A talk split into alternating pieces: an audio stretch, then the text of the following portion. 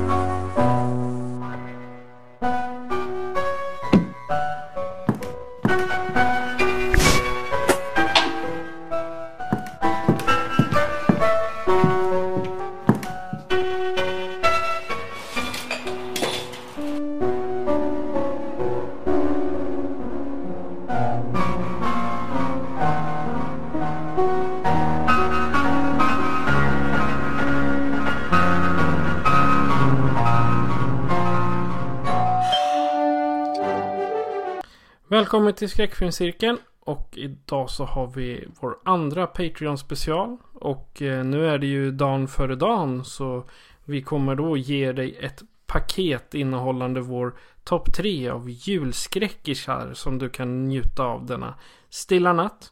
Er tomte som lämnar paketen är som vanligt jag, Patrik. Och shotgun i släden sitter Fredrik Rosengren. Han har GPSen också. Han sippar glögg och äter pepparkakor. Jag säger god jul på dig Fredrik. God jul Patrik! Um, har du laddat upp nu inför morgondagen? Jajamensan, det har jag. ja, innan vi ger oss ut och presenterar eh, nummer tre på listan så kanske vi kan göra en liten eh, kort genomgång av våra bästa minnen. Sen vi började i september. Mm. Har du något eh, fint minne du kan komma på nu? Ja, det är väldigt kul att bara ha börjat så här. Eh, jag tänker att eh, vi, förhoppningsvis blir vi väl bättre ju längre vi håller på här. Det är alltid nytt och spännande med att göra någonting som en podd. Det har jag liksom aldrig gjort förut.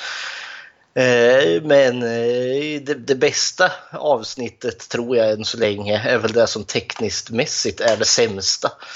Eh, och det är väl varulvarna. Eftersom att onekligen har vi mest lyssningar på den. Det är typ 130-140 personer som har lyssnat på det. Ja. Och det är ju jätteroligt. Ja, det, det är jättekul. Trots att tekniken är våldsamt emot oss under hela det avsnittet. Det sprakar och det låter. Men jag har ju lyssnat på alla våra avsnitt och det, jag vet inte, det, det, den smällde högst av någon märklig anledning. Ja, det, det är alltså all, all, all respons är ju positiv respons och folk har väl tänkt att ja, nu ska vi höra på den här skiten som var liksom. Och sen, eh, sen börjar de lyssna och inse bara okej okay, det låter det är dåligt ljud men det är intressanta diskussioner. Jag får väl hoppas det i alla fall. Ja exakt, jag hoppas det. Så att de inte sitter och gör stand-ups och tycker ja de här jädra skräckfilmscirklarna. det är bara skräp. Ja men då skulle då tänker jag, då skulle väl folk bara skita i att lyssna på oss. Så enkelt är exakt. det. Exakt. Uh, jag, jag, mitt bästa minne sen vi började är faktiskt när jag presenterade podcasten. Att den den hade kommit. Mm. På, uh, när jag höll föreläsning i studiecirkeln. Mm. Det, det, är mitt bästa minne. För där, då pirrade det lite extra i magen när man stod där. Uh, för de, de, som inte var med där så bakade jag ju in själva presentationen i slide eller i bildspelet som jag hade till min föreläsning om The Hysteria Continues. Och det var ju fantastiskt roligt att se Eh, vad ska man säga, re reaktionerna från eh, deltagarna. Mm. Och sen eh, ett litet speciellt tack då till Claudia som vi avslöjade oss för redan veckan innan. Mm. Och så här, har du hört någon, eh, någon respons från folk eh, som har lyssnat? Som, som inte vågar skriva det på nätet? det, det är från vänner och släktingar och de har ju varit väldigt nöjda. Helt klart. Så det har väl bara varit olika eh, hur ljudnivån ligger på så att jag kan bli väldigt hög och du kan bli väldigt låg. Och, ja, det, det, det är det enda liksom jag har fått men annars har det varit positivt och tummarna upp. Ja, i, i vårt avsnitt om... Eh, vad var det nu det senaste? Det var spöken, mm. mamma. Då hade jag min eh, nya mikrofon och eh, du hade ditt headset. Det är rekord i det här avsnittet för jag tror jag la ner max två, två och en halv timme på att redigera det. Mm. Och exempelvis varulvsavsnittet, där fick jag ju sitta i tre, fyra timmar för att plocka bort alla ploing, ploing. Hela tiden. Ja. Okej, okay, vi är... Eh, vi har gemensamt eh, tagit fram en topp tre julfilmer. Mm -hmm. Och eh, nu så ska jag spela trailern för den första. If you're not doing anything this Thursday night, maybe you'd like to uh, go out on a date with me? I'd love to. And loving parents who are about to give him... You're gonna like this. No, no, no, don't shake it. We're gonna have to open it now. It won't wait till Christmas. The most unusual gift he ever got. What is it? No. It's your new pet. Come on, Barney, be a good dog. My dad gave it to me. Rafe. They become clever. Mischievous. What's going on here? And dangerous. Gremlins, eh? Little monsters. Right. Hundreds of them. Well, I, I don't know, maybe thousands. They've been here too. Billy, what are these things? Where do they come from? Look, I know it sounds crazy, I know. But in a few hours, you're gonna have a major disaster on your hands.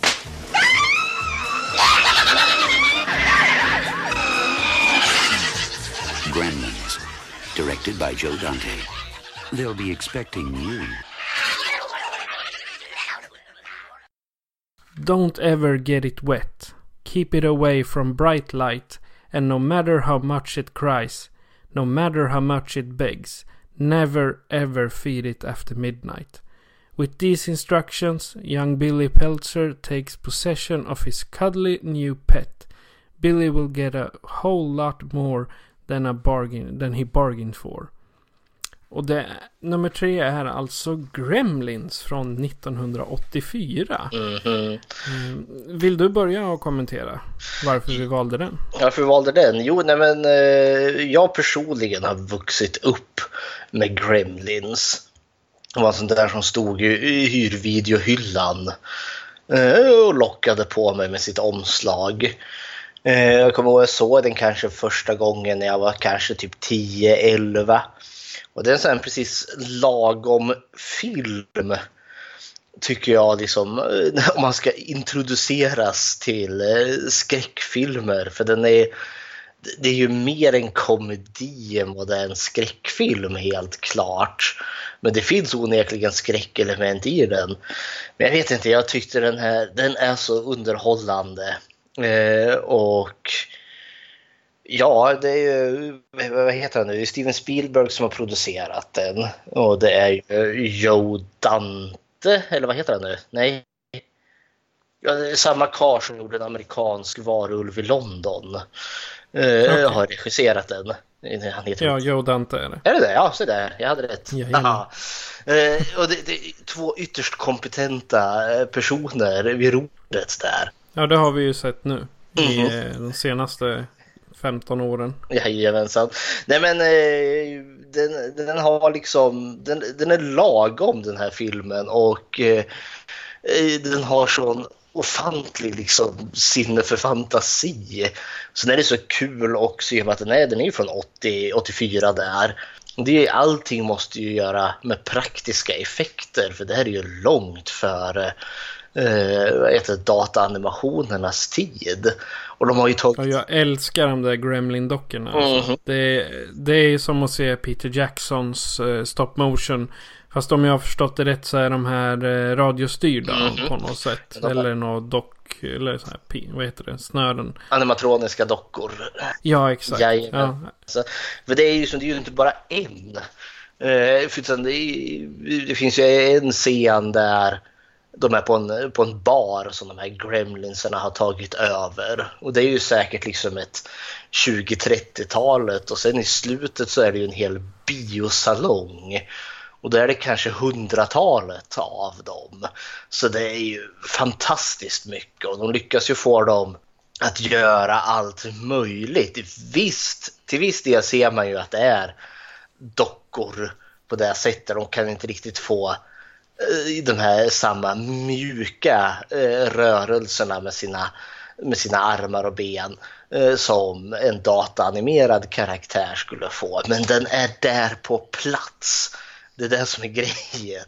Den finns mm. där, skådespelarna har någonting att agera emot. De, behöver, de agerar inte bara mot tom luft, för det är i regel det som jag tycker är det som bryter illusionen när man har att göra med dataanimerade saker och ting. är just att jag i slutändan förstår jag att skådespelaren skådespelar mot noll och ingenting.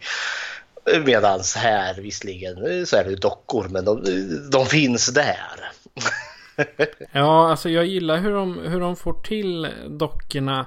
Alltså som eh, den här Mogwai, Gizmo. Mm -hmm. Han, eh, alltså de lyckas få till hans eh, an ansiktsuttryck. Mm -hmm. Och det är betydligt lättare att förstå vad Grem Gremlinen eller Gizmo, vad han, vad han menar när han säger någonting bara på sig ansiktsuttrycket. Jag menar, så han säger åh gud vad söt han är. Så Gizmo himlar med ögonen. Och, mm. och sen samtidigt då ah bright light, bright light. Mm. Så snurrar ögonen på honom. Japp. Yep. Så ja, jag lyckades få med mig en som absolut hatar skräckfilm. Mm. Som är en sån här som inte kan sova om nätterna efter att ha sett en skräckfilm. Men eh, jag sa den är lite läskig på sina ställen. Och sen när vi hade kollat färdigt på filmen då frågade hon bara vart skulle det ha varit läskigt? ja, nej alltså det är onekligen. Det här är ju inte sån här en film som kryper en in under skinnet. Alltså den är ju mer underhållande och lite spännande. Men stundom finns det ju onekligen skräckartade eh, scener som när efter att eh, de får, eh, vad är det, de får inte bli blöta för då, då blir de ju fler. Eh, Exakt. Och äter de efter midnatt, det är då de går in i det här kokongstadiet. Och sen kläcks de ju och går de från att vara en mogwai till det här, ja, gremlin då. Går från att vara en ganska... Man, man får aldrig veta vad en utvecklad mogwai är egentligen. Nej. Alltså vad den heter. Det är bara vad de kallar det. Alltså jag misstänker ju att det här är ju för jag menar, han, den börjar ju med att huvudpersonens pappa, eh, Randall Peltzer, som karaktären heter, är ute på jakt efter någon julklapp till sin eh, typ tonåriga son. Och så är han i typ Chinatown ser det ut som.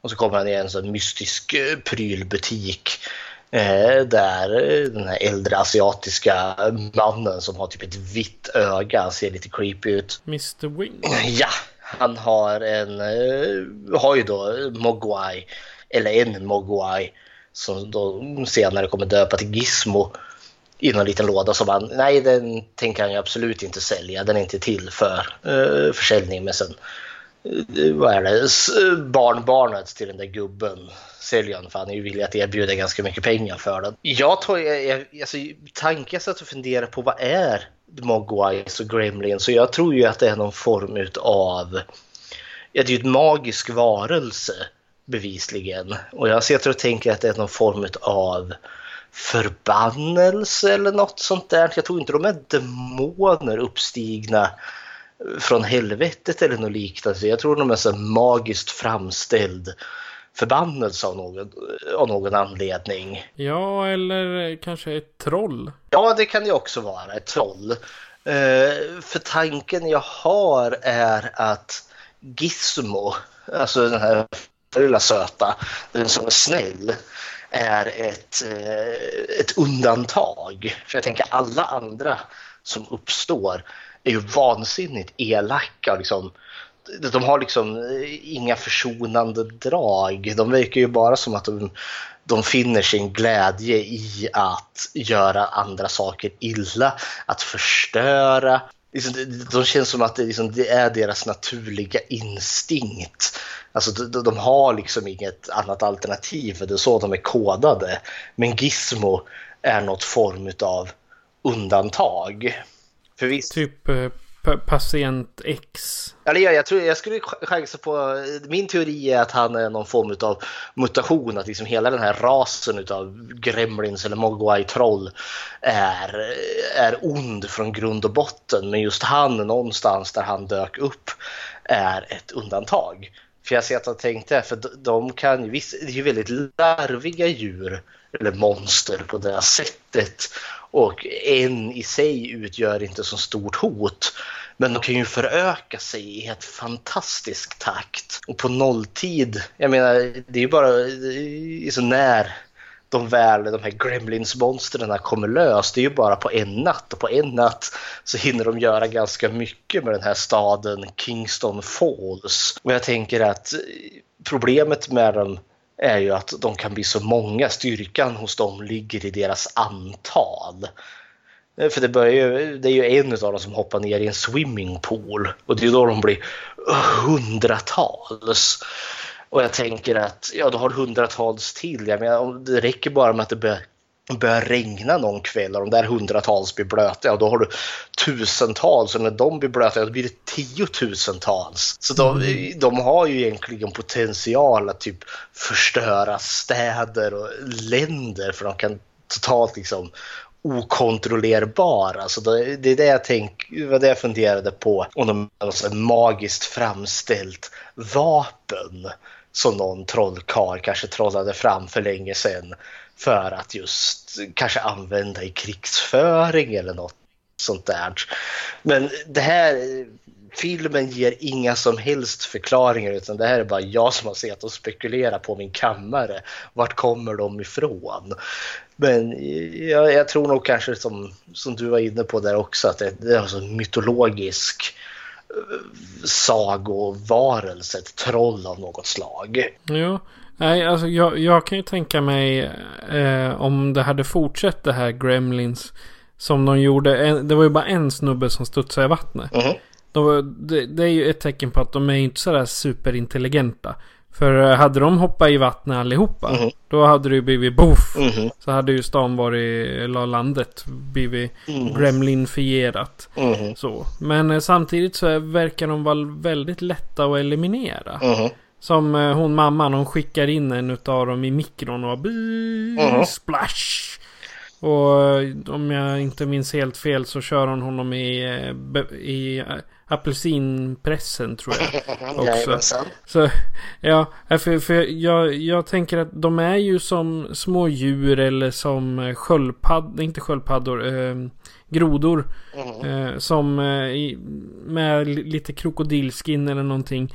Men om det nu är ett mytologiskt djur, visst. Men fortfarande så är det ju Gizmo som han verkar väl li, liksom vara början till allting. Mm -hmm. För han äter efter midnatt. Samtidigt som eh, de andra gör det när de blir kokonger. Nej, han och han ju, blir aldrig han, gör ju, han gör ju inte det. Han erbjuder ju honom eh, kycklingklubban där. Men, han, men han tackar ju nej till den. Så är det. Mm. För det, det, har vi aldrig fått sett eh, Gizmo Eh, om hans, eh, hans förvandling. Han har alltid varit den där söta lilla mogwaien. Exakt. Så. Det, men det, det, kan väl vara så om inte han är liksom ursprunget till allting. Mm. Då kan det bara vara att han helt enkelt tröttnat på att se sina sin familj eh, åka runt och förstöra. Liksom. ja, jag tror jag hade någon form av genetiskt fel. Han är de här Gremlings svarta får i familjen. För de är naturligt triggade till eh, förstörelse till sabotage. Medan eh, Gizmo inte är det. Jag tror liksom i grund och botten är det något fel på Gizmo till hans fördel. För de andra, det som är naturligt för de här magiska monstren är då liksom att förstöra och förstöra. För det är liksom allt de kan. Eller om Gizmo kanske har utvecklats åt det bättre hållet. ja, kära Ja, exakt. Han kanske, han kanske har blivit den, den snälla. Mhm. Helt enkelt. Den enda. Eh, Ja, exakt. Gre- Gremlins gjorde ju rätt så bra. De eh, tiodubblade sin eh, budget på Mhm. 11 miljoner bara i USA. Mhm. Så den, enligt IMDB drog de in ungefär 148 miljoner. Coolt. Och bara 12,5 första, första helgen. Mhm. Så att det är, ju, det är ju en succéfilm och framförallt så är det en kultfilm. Det är en sån här grej du måste se. Mhm. Ja, men det är sådär som man kan se med, ja, som ganska ung ändå trots allt. Eh, för det, Det, passar som familjefilm också. helt klart. Eh, för jag menar, det finns stunder då de blir genuint otäck. Som jag tycker när, efter att eh, de här första kokongerna har kläckts och det är bara mamman kvar i huset där och de här gremlinsarna ansätter henne för då är det ganska spöklikt. Eh, med musiken som spelar där och de här monstren som typ kryper omkring och har sig. Eh, för jag menar, eh, visserligen hon tar ju ut dem, det är som du sa, de är inte särdeles svåra att ha ihjäl. Eh, men de är ju hellbent på att göra det illa. Jag menar, hon blir ju nästan mördad av den där Gremlin som gömmer sig i julgranen. som håller på och stryper henne med typ julgransbelysningen när sonen Billy kommer in och lobbar huvudet av den med, en, med ett svärd. Ja, alltså han hugger huvudet av man med ett dekorationssvärd. Det var ett sånt där hål som jag hade lite svårt att komma, komma undan. Bara, ja, jag har ett dekorationssvärd. Hur vasst är det? Men eh, jag vet inte, alltså det, det, den här är genuin tycker jag. Väl värd att se om man skulle vilja eh, när barnen eh, börjar bli lite större och man kanske vill ge dem lite mer någonting att tugga i så kan Gremlins eh, vara en helt klart väl värd att se. Och varför det just är en julfilm det är för att den utspelar sig typ vid juletid där. Och det är något jag tycker, det är något jag tycker är synd egentligen för det är väldigt få skräckfilmer som utspelas just i vinterlandskap. Jag tycker vinter och skräck gör sig ganska väl ihop. Ja. Det är, det är som folk har eh, pratat om ganska länge liksom med, med, med, en, med en fortsättning på fredagen den 13. Bara en sån plott är just att ja, eh, har den utspelat sig under vintertid, Camp Crystal Lake på vinter. För det har jag hört många gånger och bara det är liksom ett nytt koncept. Ah, det, det, det tycker jag inte passar in lite. För Camp Crystal Lake är ju ett sommarkollo i stort sett. Ja, jo, men Jason lär väl klampa omkring även på vintern där då har inga problem att hugga ihjäl folk. Ja, nej, nej. Nej, det tror jag inte. Men jag, jag tror inte att det skulle bli så mycket till, till film.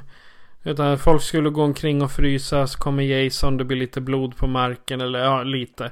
My, mycket blod på marken. Och så slutar det med att någon, någon lyckas fly. Och så spelar de lite fin musik i slutet medan han vandrar bort. Och Jason går och lägger sig i sin eh, säng. Nej, ja, jag, jag, jag skulle köpa. Ja, ja, nej, nu, nu gjorde jag bara en extrem satir.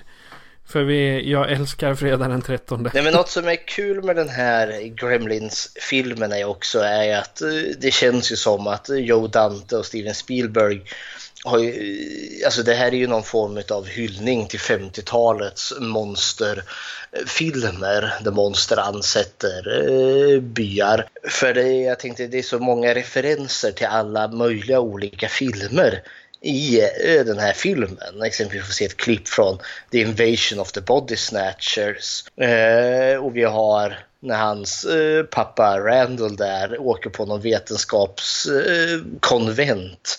Eh, när han sitter och pratar i telefonen då får man se en av vetenskapsmännen sitter ju i den här eh, H.G. Wells filmatiseringen av hans bok Tidsmaskinen. För han sitter ju bokstavligen i tidsmaskinen eh, som är med från den Ja, filmen. Och i båset bredvid så står ju roboten från Forbidden Planet och pratar i telefon.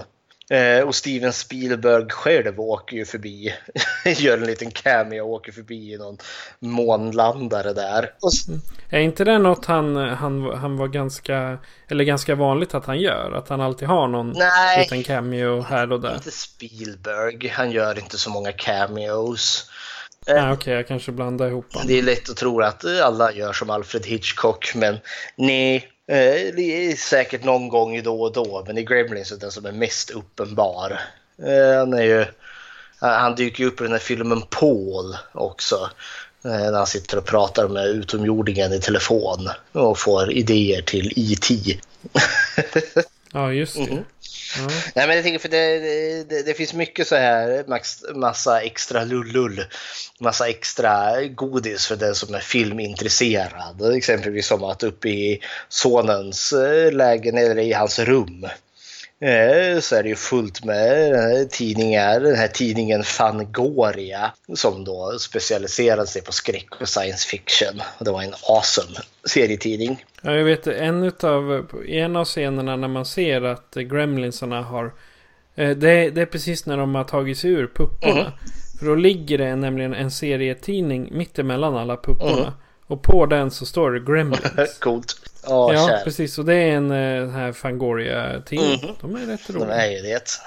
Nej men Okej, jag, Eh, väl värd att se. Våran nummer tre. Ja. yes, jag håller med. Och eh, nummer två. Eh, den eh, trailern kommer här. It's the most wonderful time of the year. With the kids jingle belling. Merry Christmas! Looks like Martha Stewart threw up in here. This is delicious, honey. A little dry. Well, mine's delicious. Mine's dry. Do you want to trade?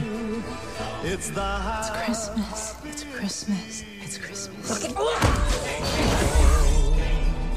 with those holiday greetings and gifts.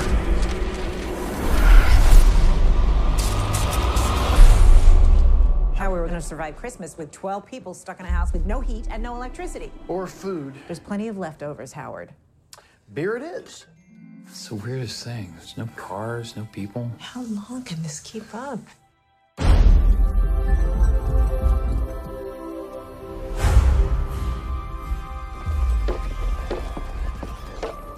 We heard something on the roof. The hell's this? St. Nicholas is not coming this year. Instead, a much darker ancient spirit. Those are hooves. Elk or a goat? What kind of goat walks on its hind legs? His name is Krampus.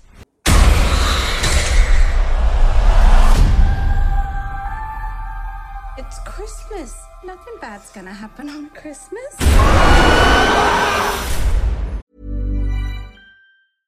I'm Sandra, and I'm just the professional your small business was looking for. But you didn't hire me because you didn't use LinkedIn jobs. LinkedIn has professionals you can't find anywhere else, including those who aren't actively looking for a new job but might be open to the perfect role, like me.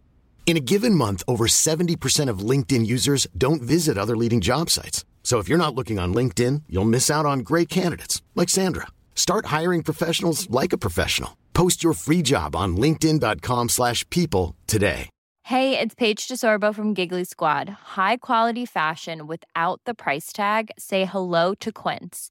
I'm snagging high-end essentials like cozy cashmere sweaters, sleek leather jackets, fine jewelry, and so much more. With Quince being 50 to 80% less than similar brands. And they partner with factories that prioritize safe, ethical, and responsible manufacturing. I love that. Luxury quality within reach. Go to quince.com slash style to get free shipping and 365 day returns on your next order. Quince.com slash style. När hans trasiga familj rycker ihop under julhelgen tappar den unge Max all tro på julen. Vad han inte vet är att bristen på julstämning har utlöst Krampus vrede. En urgammal demonisk kraft som straffar alla icke-troende. Helvetet brakar loss när, vår högt, när våra högst älskade julfigurer plötsligt blir onda och belägrar en chockerad familjs hem. Nu inser familjemedlemmarna att de måste kämpa för varandra om de vill överleva julhelgen. Ja, Krampus. Eh, jag eh, hittade den filmen på en loppis. Mm -hmm. Men jag var, det här är ett rookie-misstag som man gör och jag har varit på loppis typ 15 år.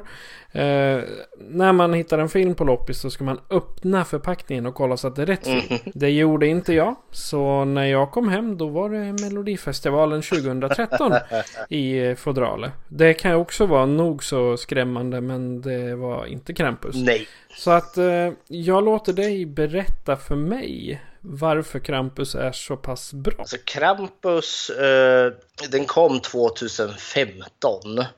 Eh, och varför Krampus eh, är så bra, alltså den till viss del påminner den lite om eh, Gremlins. Det är lite så här vad man brukar kalla för sån här eh, beginners eh, skräckfilm. alltså en sån eh, skräckfilm som man kan starta med i relativt unga åldrar ändå, för det är ju en form av skräckkomedi. Men det som är så bra med den är ju att regissören Michael Dougherty, som han heter, han gjorde ju den här helt fantastiska Halloween-antologin Trick or Treat. Eh, och det är uppenbart att han älskar eh, den här genren. Och det är så mycket mycket arbete nerlagt kring det och de har fått med sig genuint bra skådespelare också.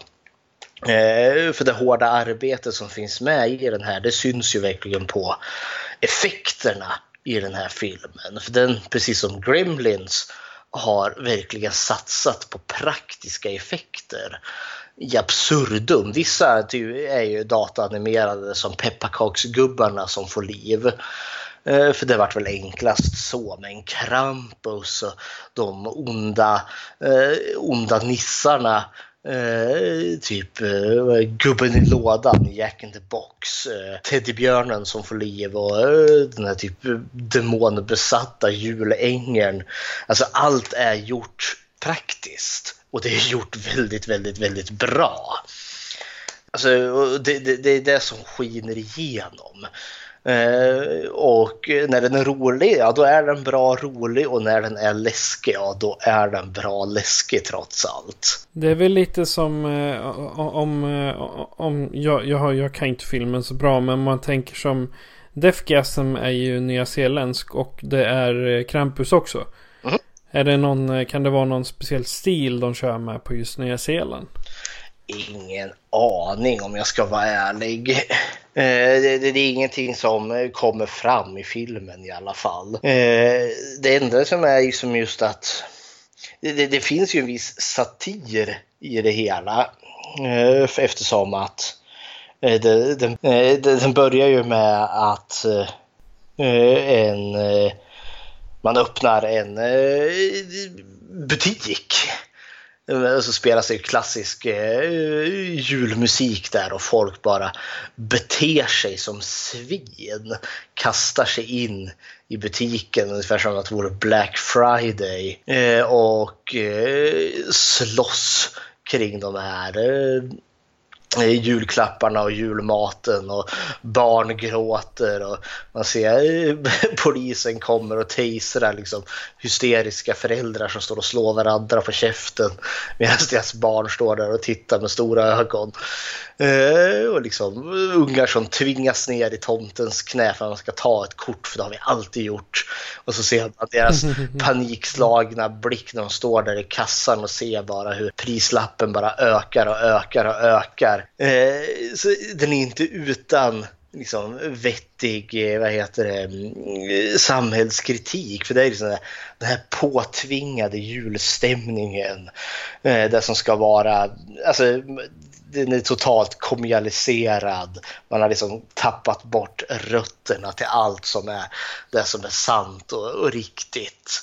Och den här för en av huvudpersonerna som man får följa är då en pojke som heter Max. och Han är väl typ 12 år. Eh, och han är så ovanlig på det sättet att han fortfarande tror på jultomten.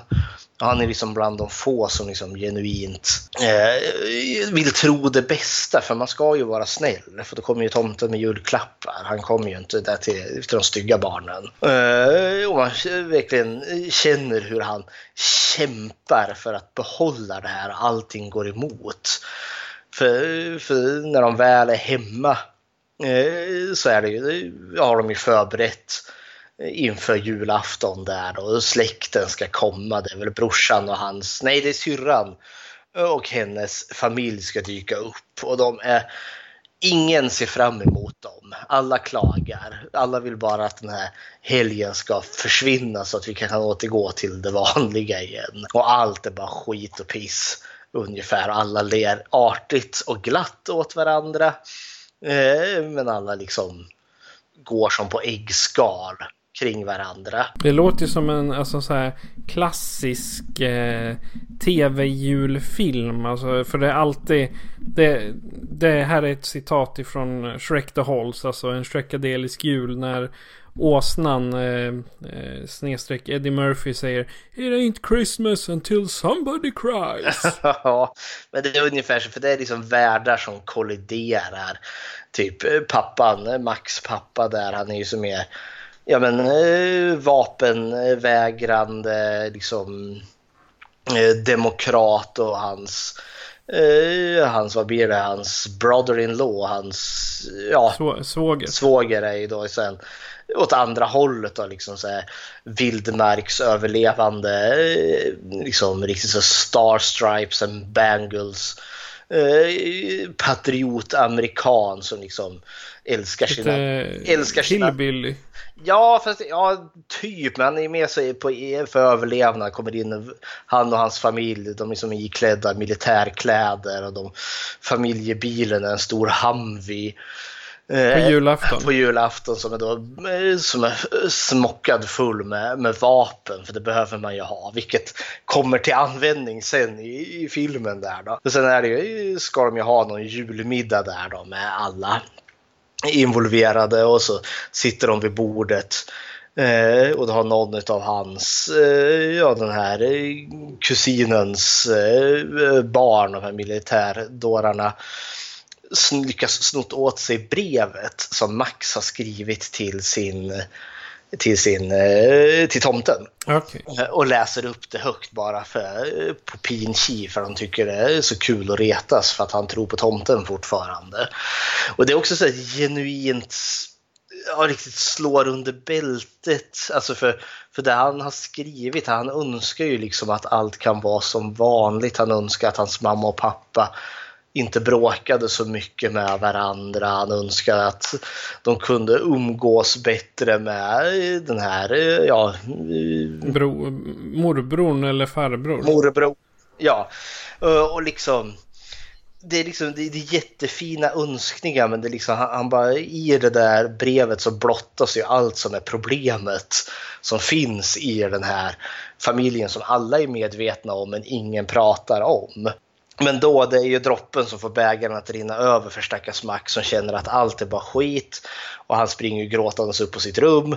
Uh, och så ska ju pappa komma upp och försöka trösta och han, är så, han vet inte vad han ska säga, han kan inte ge stödet. Och då i vredesmod river ju Max sönder det där brevet till jultomten och kastar iväg det i vinden.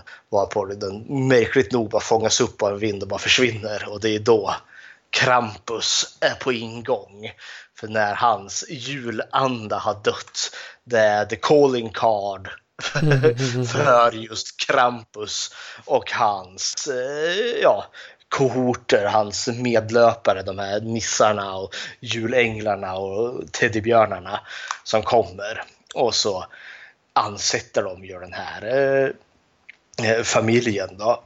Och det är det som är så för han är ju Krampus den här juldemonen eh, som sägs då vara tomtens skugga. Eh, den som kommer för att straffa. Det är det som är så kusligt för han, vad är det, tomten kommer för att ge men Krampus kommer för att ta. Och det är ju det som är det kusliga med det hela. Och det, det som blir i, i hela den här är ju liksom ju, ju hårdare de blir utsatta desto mer blir de ju sammansatta som familj. Då kan de ju börja plötsligt se över eh, Eh, de här fördomarna de har till varandra. Så märkligt nog så är ju liksom Krampus och hans anfall på familjen gör dem till bättre personer. Frågan är ju då om Krampus verkligen är en demon eller om han är något som tomten skickar när han inser att liksom, jaha, det här är ett eh, smått hopplöst fall som jag inte kan göra någonting åt. Men jag skickar min eh, minion som eh, jävlas med alla så att de blir sammansatta. Jag tänker typ eh, tomtens psykoterapeut. Ja, man skulle ju tro det. Filmen eh, är väl lite, kanske liksom försöker ge sådana indikationer, men nej. Krampus är ond. Det finns inget förmildrande eh, hos den varelsen. Och det är frågan ens om det är Krampus. För när man får se Krampus när han dyker upp, för han kommer ju ner genom skorstenen eh, närmare slutet av filmen i sin groteska uppenbarelse.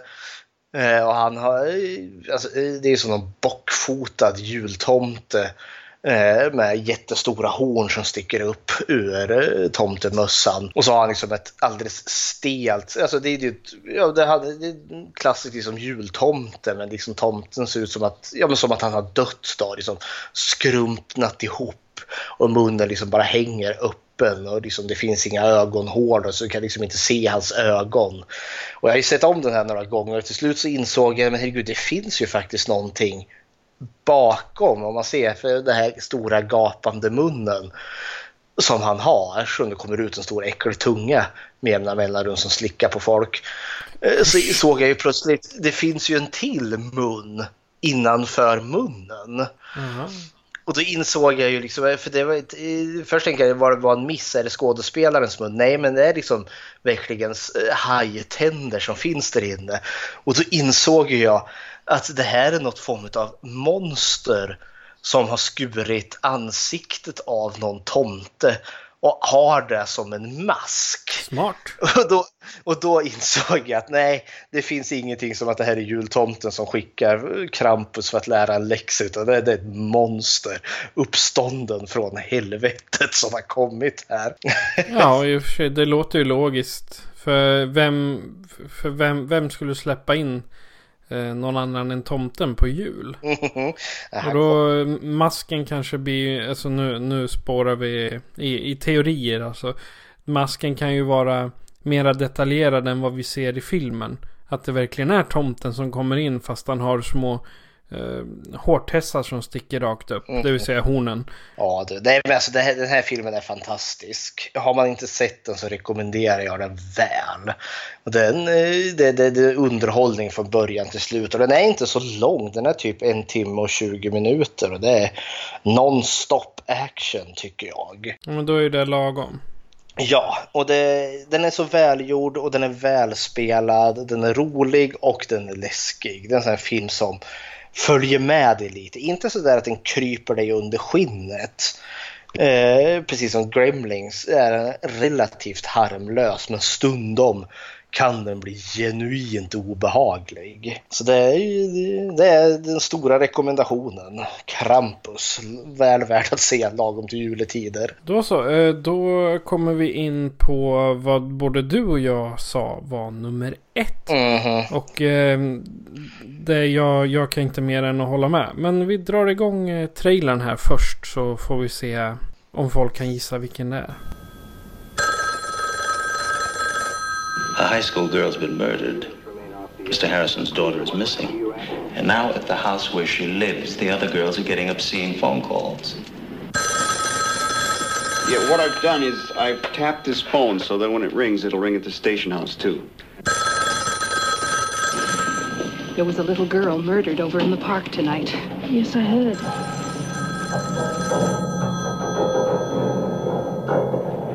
Your phone's ringing.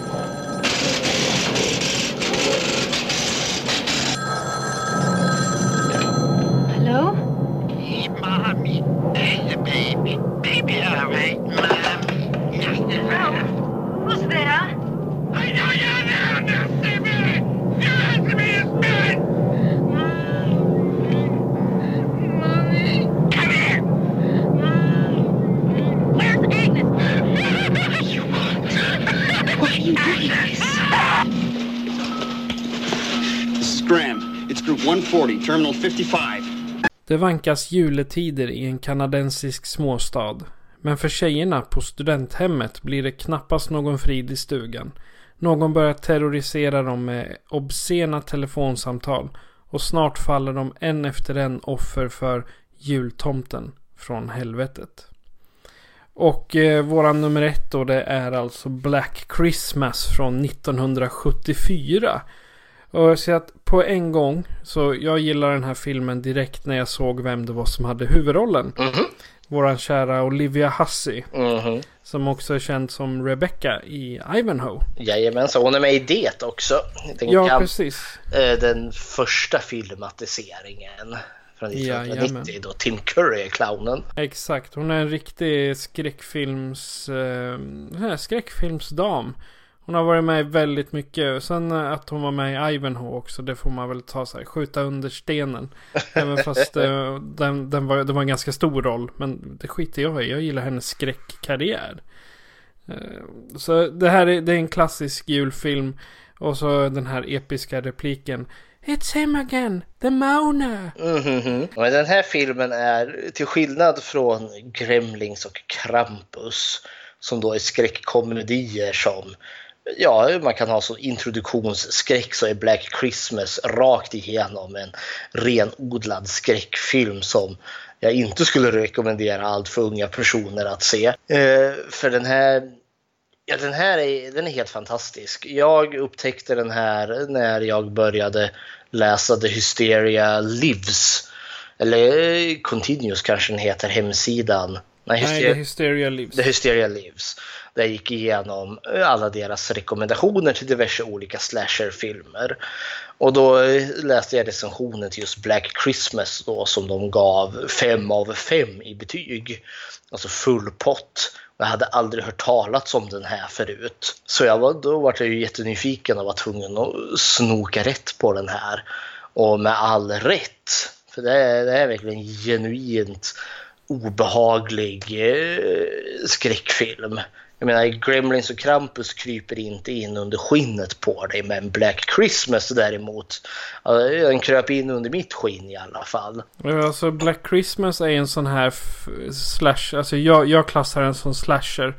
Mhm. Eh, för det, det är en, en av få slasherna där i alla fall jag hejar på offren. Eller Mhm. på de eh, som blir ansatta. För ofta så är ju de i de här andra senare slasherfilmerna. För när jag, jag läste på lite då de tycker att det här är den första slasherfilmen. Sägs det på, det är olika både recensioner och bloggar och på IMDB. Det är liksom åsikterna går ju isär. Men jag menar i, i filmer längre fram där så hejar man ju snarare på mördaren för att de karaktärerna som faller av en efter en de är så, så jobbiga. Alltså otrevliga, de är fula, eh, det är dåliga repliker, sånt. Och då vill man liksom, ja men kom igen och hugg skallen av dem. Eller sätt macheten igenom dem liksom. För det, den är jag trött på. Men i det här fallet då när... Eh, eh när vi har tjejerna då som ska slåss mot någon. Så hejar jag ju på typ Jess och Peter är väl också med ganska långt fram. Och Jess det är alltså Olivia Husseys eh, karaktär. Och, men min absoluta favoritkaraktär. Det är husmodern.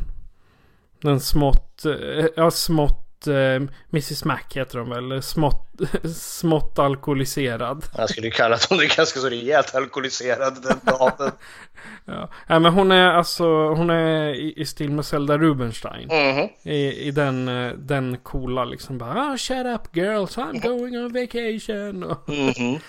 Ja, nej men den här är ju, för jag tänkte som- som med andra slasherfilmer, den här är onekligen, den, den skulle ju inte kvalificera sig själv som en slasher för begreppet fanns inte, men den är ju onekligen, har satt sitt avtryck för utan den här hade vi nog inte haft halloween och utan halloween hade vi inte haft fredagen den 13. Eh, så det här är verkligen en sån proto-slasher eh, som gjorde avtryck. För den här satsar ju mer Bob Clark, regissören.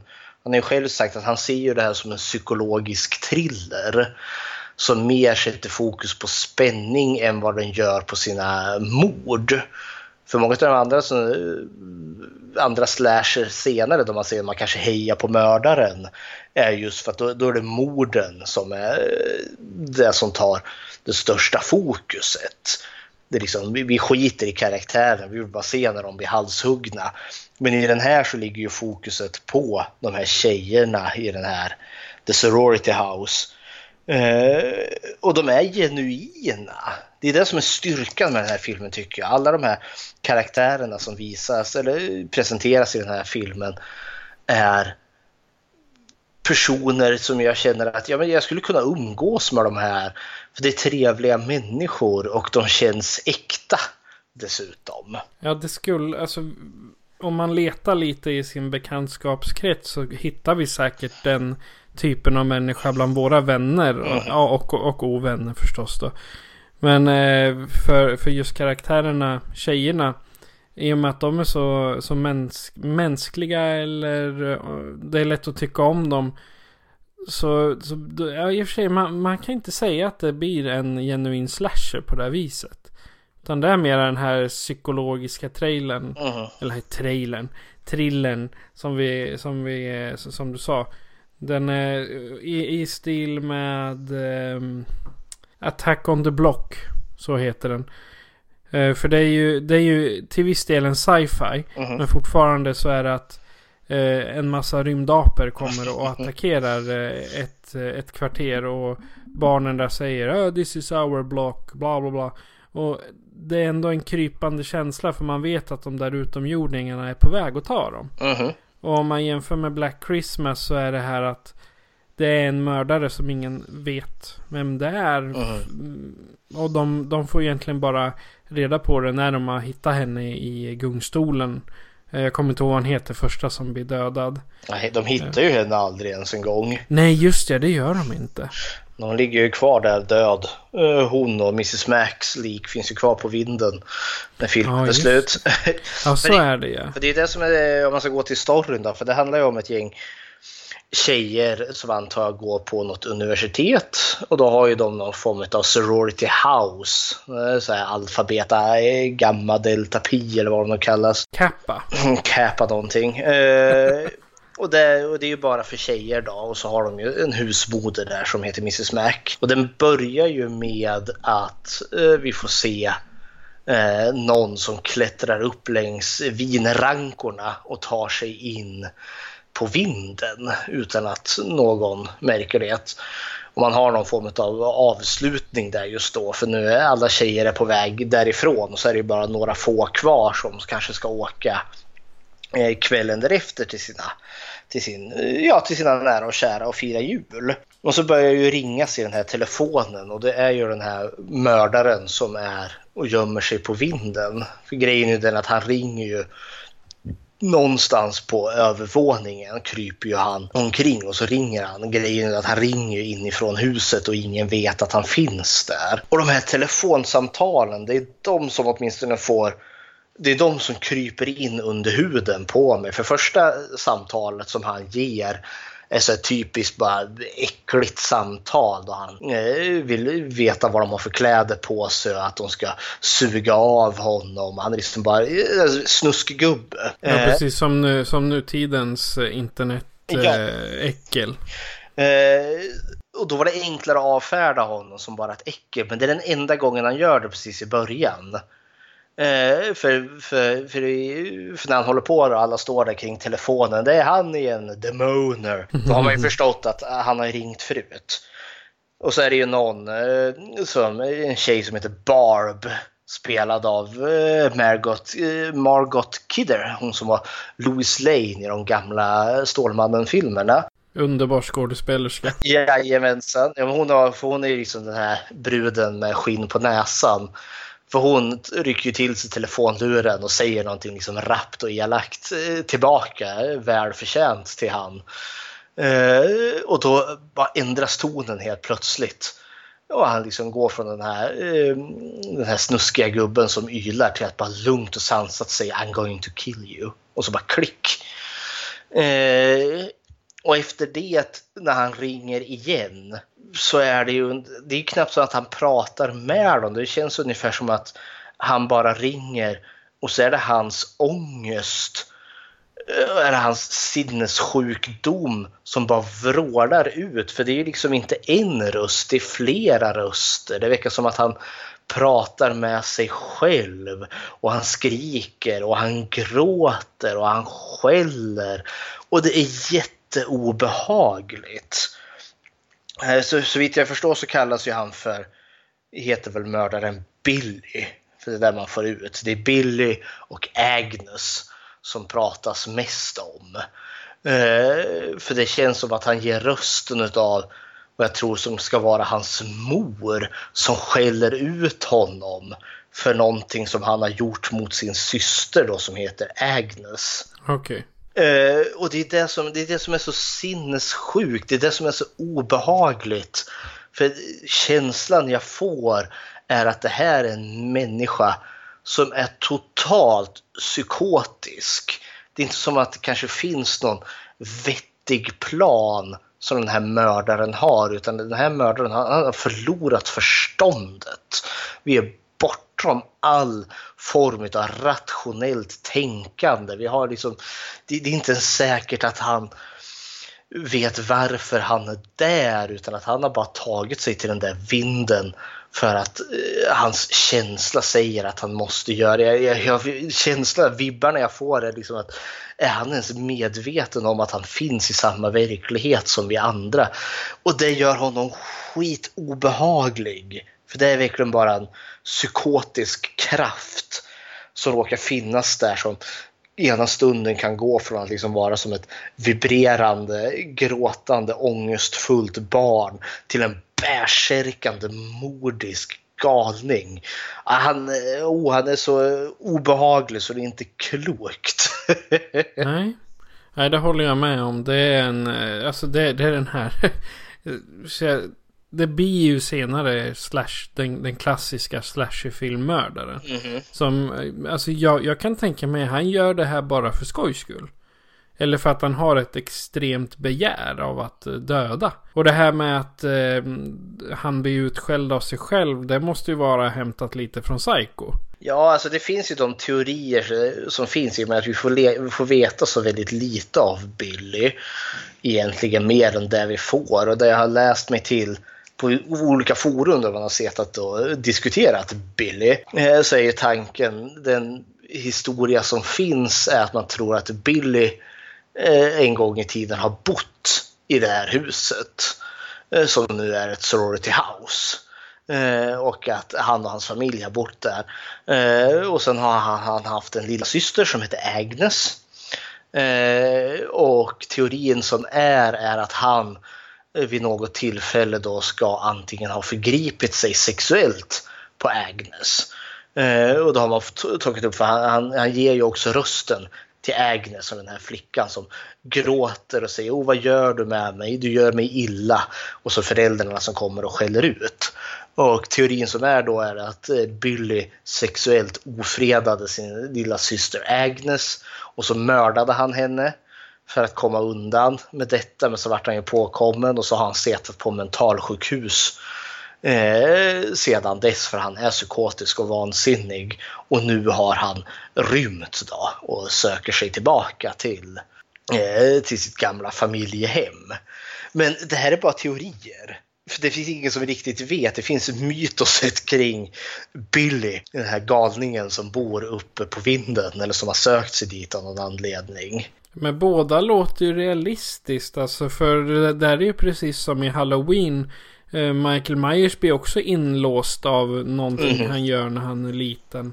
Och sen mm. när han då flyr, det första han gör är ju att springa hem till syrran. Jajamensan.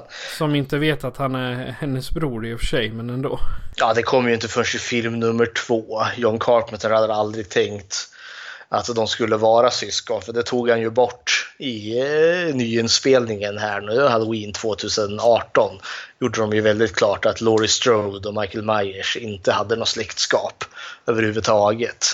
Det var, det var bara för att de skulle hålla, ska jag säga, eh, hypen vid liv över Halloween. Liksom de var tvungna att ha en twist. För att eh, behålla tittarna eller för att folk skulle komma tillbaka. Ja, det var väl liksom, John Carpenter hade ju ingen lust att göra Halloween 2 ens en gång heller. Men de tjatade ju på honom och så gjorde han ju det. Och då kom han väl på den här tanken, ja men de är syskon. Och, så, och det var något han ångrade sen. Så ja, men nu 2018 här fick vi det redkonat. ja, exakt.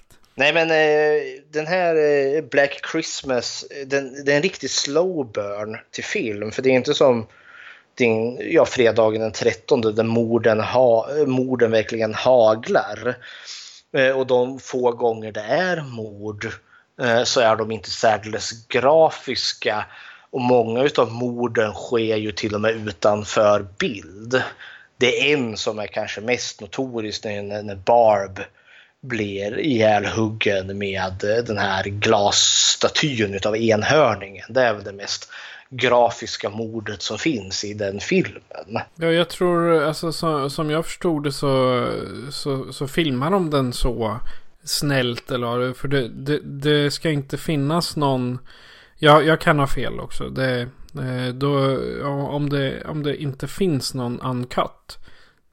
Utan de, de, de slapp att göra det. Eller de, de spelade in den snällt inom citationstecken. För att slippa ha, ha klippning när den ska ut på bio. Ja, men jag, jag tror tanken som Bob Clark hade när han gjorde den här så han var aldrig ute efter att göra en blodig, slafsig skräckfilm. Eftersom att, eh, för ibland kan man ju eh, ha såna, göra skräckfilmer mest med ursäkten för att visa massa blod och död. Att det är liksom filmens höjdpunkter. Men det var aldrig tanken att den här filmen skulle vara att den liksom skulle vila på sina mordsekvenser så som fredagen den 13 gör. Där liksom där morden är höjdpunkten. Så kan jag inte påstå liksom att eh, morden är liksom filmens eh, höjdpunkter i Black Christmas utan det är liksom som en jämn storyberättande. Morden måste ske för att det är den naturliga utvecklingen utav filmen. Utan ja, Bob Clark känns väldigt Alfred Hitchcock. Han bygger spänning på spänning på spänning på spänning till som är filmens liksom dramatiska klimax. Ja, det är en ganska bra beskrivning av, av filmen. Och eh, framförallt så satte du nästan ord exakt på mina, mina tankar. Mm -hmm. jag undrar vad Bob Clark gör idag. Fast han gör ingenting idag för han dog 2007. det gör han inte så mycket. Nej, ja i och för sig. Han kanske har nu åt, uh, ja vart han nu hamnar efter det här. Filmhimlen. Mm -hmm. Spielbergs trädgård. Om de, eller vad de nu dö, döper den till. Han gör filmer åt Gud där uppe. han gjorde ju sen det här A Christmas Story eh, som gjordes någon gång på 80-talet. Eh, som är en ganska uppskattad så här, julkomedi. Lite i typ samma anda som ett päron till farsa firar jul. Ungefär som en genuint jättemysig och jätterolig liten komedi om någon pojke vars högsta önskan är att han ska få ett luftgevär. Eh, så det, det, är så lustigt att se för han har gjort två julfilmer, Black Christmas och Christmas Story. Och båda har liksom gått och blivit så klassiker eh, inom, inom, sin egen genre. Och båda är väldigt speciella. Ja, nej men eh, Black Christmas, har du inte sett den och du tycker att du är en, en genuin skräckfilmsentusiast så är den väl värd att se. För det är verkligen inte din stereotypiska slasherfilm. Och, det, och den är ju gjord till och med före slasher-eran så det är ju kul att se vilka influenser den här liksom satte på de filmer som komma skulle. Men sen är det bara en genuint bra film med bra skådespel, med kusligheter så det står härliga till. Alltså det är förvånansvärt hur mycket ett telefonsamtal kan krypa henne under skinnet. Men så mm. trots för vi ändå så målat ut som att den är ganska mörk och hemsk. Det, och det är den också. Men det finns ganska mycket humor i den också. Det finns en sån töntig polis som de lyckas eh, lura. Jag vet inte hur mycket. Eh, han ber en av de här tjejerna om telefonnumret till, till deras sorority när de anmäler de här otäcka telefonsamtalen. Och så ger hon ju någonting numret, eh, num, numret bla bla bla, fellatio. Och det är liksom snyggt ord för oralsex. Eh, och han liksom, för det är ju som i Amerika där liksom på de här gamla, då, då fanns det ju siffror på eh, telefonerna. Så liksom, eh, trycker man in siffra liksom, till motsvarande bokstav. Och så, säger, eh, så det är ju den han ger och det är hon Barb. Louis Lane från Stålmannen som ger den här liksom, ja, 3, 4, 5 fellatio. Han skriver ner det liksom fellatio. Liksom. så den har liksom bra sinne för humor också. Den känns väldigt genuin. Och en Ja. annan karaktär som jag måste nämna det är ju då John Saxton som är då polischefen i, i, i den här också. För det, det är också något som jag gillar med den här att eh, som i slasherfilmer som kommer senare så tas i regel liksom inte hotet på allvar eh, och polisen liksom framstår som eh, liksom, ja, kling och klang ungefär. Men i den här så de är ju genuint engagerade och det känns som att det polisen faktiskt gör är, är på riktigt. De tar tjejernas hot på allvar och så måste de ju ha, de sitter och avlyssnar så han, John Saxton hör ju den här Billys vansinniga telefonsamtal och jag gillar det. Att det inte är den här klassiska ungdomarna som slåss mot något hot och vuxenvärlden som inte tror på det. Utan här har du en vuxenvärld som faktiskt hör och reagerar på eh, vad som händer. Det, det, det vuxenvärlden bara inte vet är just att mördaren sitter i samma hus. De tror ju att han sitter långt bort i stan och, eh, eh, och ringer. Så det, det, det var alltså tummen upp tyckte jag. Jajamän. Eh, För den, den, den som vill se Black Christmas då så går den under en rad olika namn beroende på vart man, vart man är. Så som i Kanada där heter den Stop Me. Eh, I Danmark så heter det En mod i din hus. Eh, Nor- Norge så är det Det är mördaren som ringer. Och eh, i Sverige då Stilla natt, blodiga natt. Det var under den namnen jag har sett den innan. För jag visste inte att den hette Black Christmas nämligen. Så jag hade ju sett den här innan. För jag, jag vet när, när jag sa till dig att jag inte hade sett den. Men så var faktiskt inte fallet. Och så då i USA när den gick på tv så hette den Stranger in the House. Och sen finns det någon så här Silent Night, Deadly Night också. Jajamän. Eh, någonstans. Så det är, det är liksom många olika namn på ett mästerverk. Kan man väl säga. Mhm. Ja, för jag skulle gå så långt som att faktiskt kalla det här för ett mästerverk. Ja. Ehm, nu så... ehm, vi kommer ta ett uppehåll. Mhm. eh, Är det tänkt. Eh, ungefär tre veckor. Eh, nästa avsnitt är planerat andra eller tredje veckan i januari. Ja. Då ska vi säga att jag heter Patrik. Och jag heter Fredrik. Och jag säger god jul. God jul och gott nytt år. Och här kommer en eh, liten julsång till er allihopa.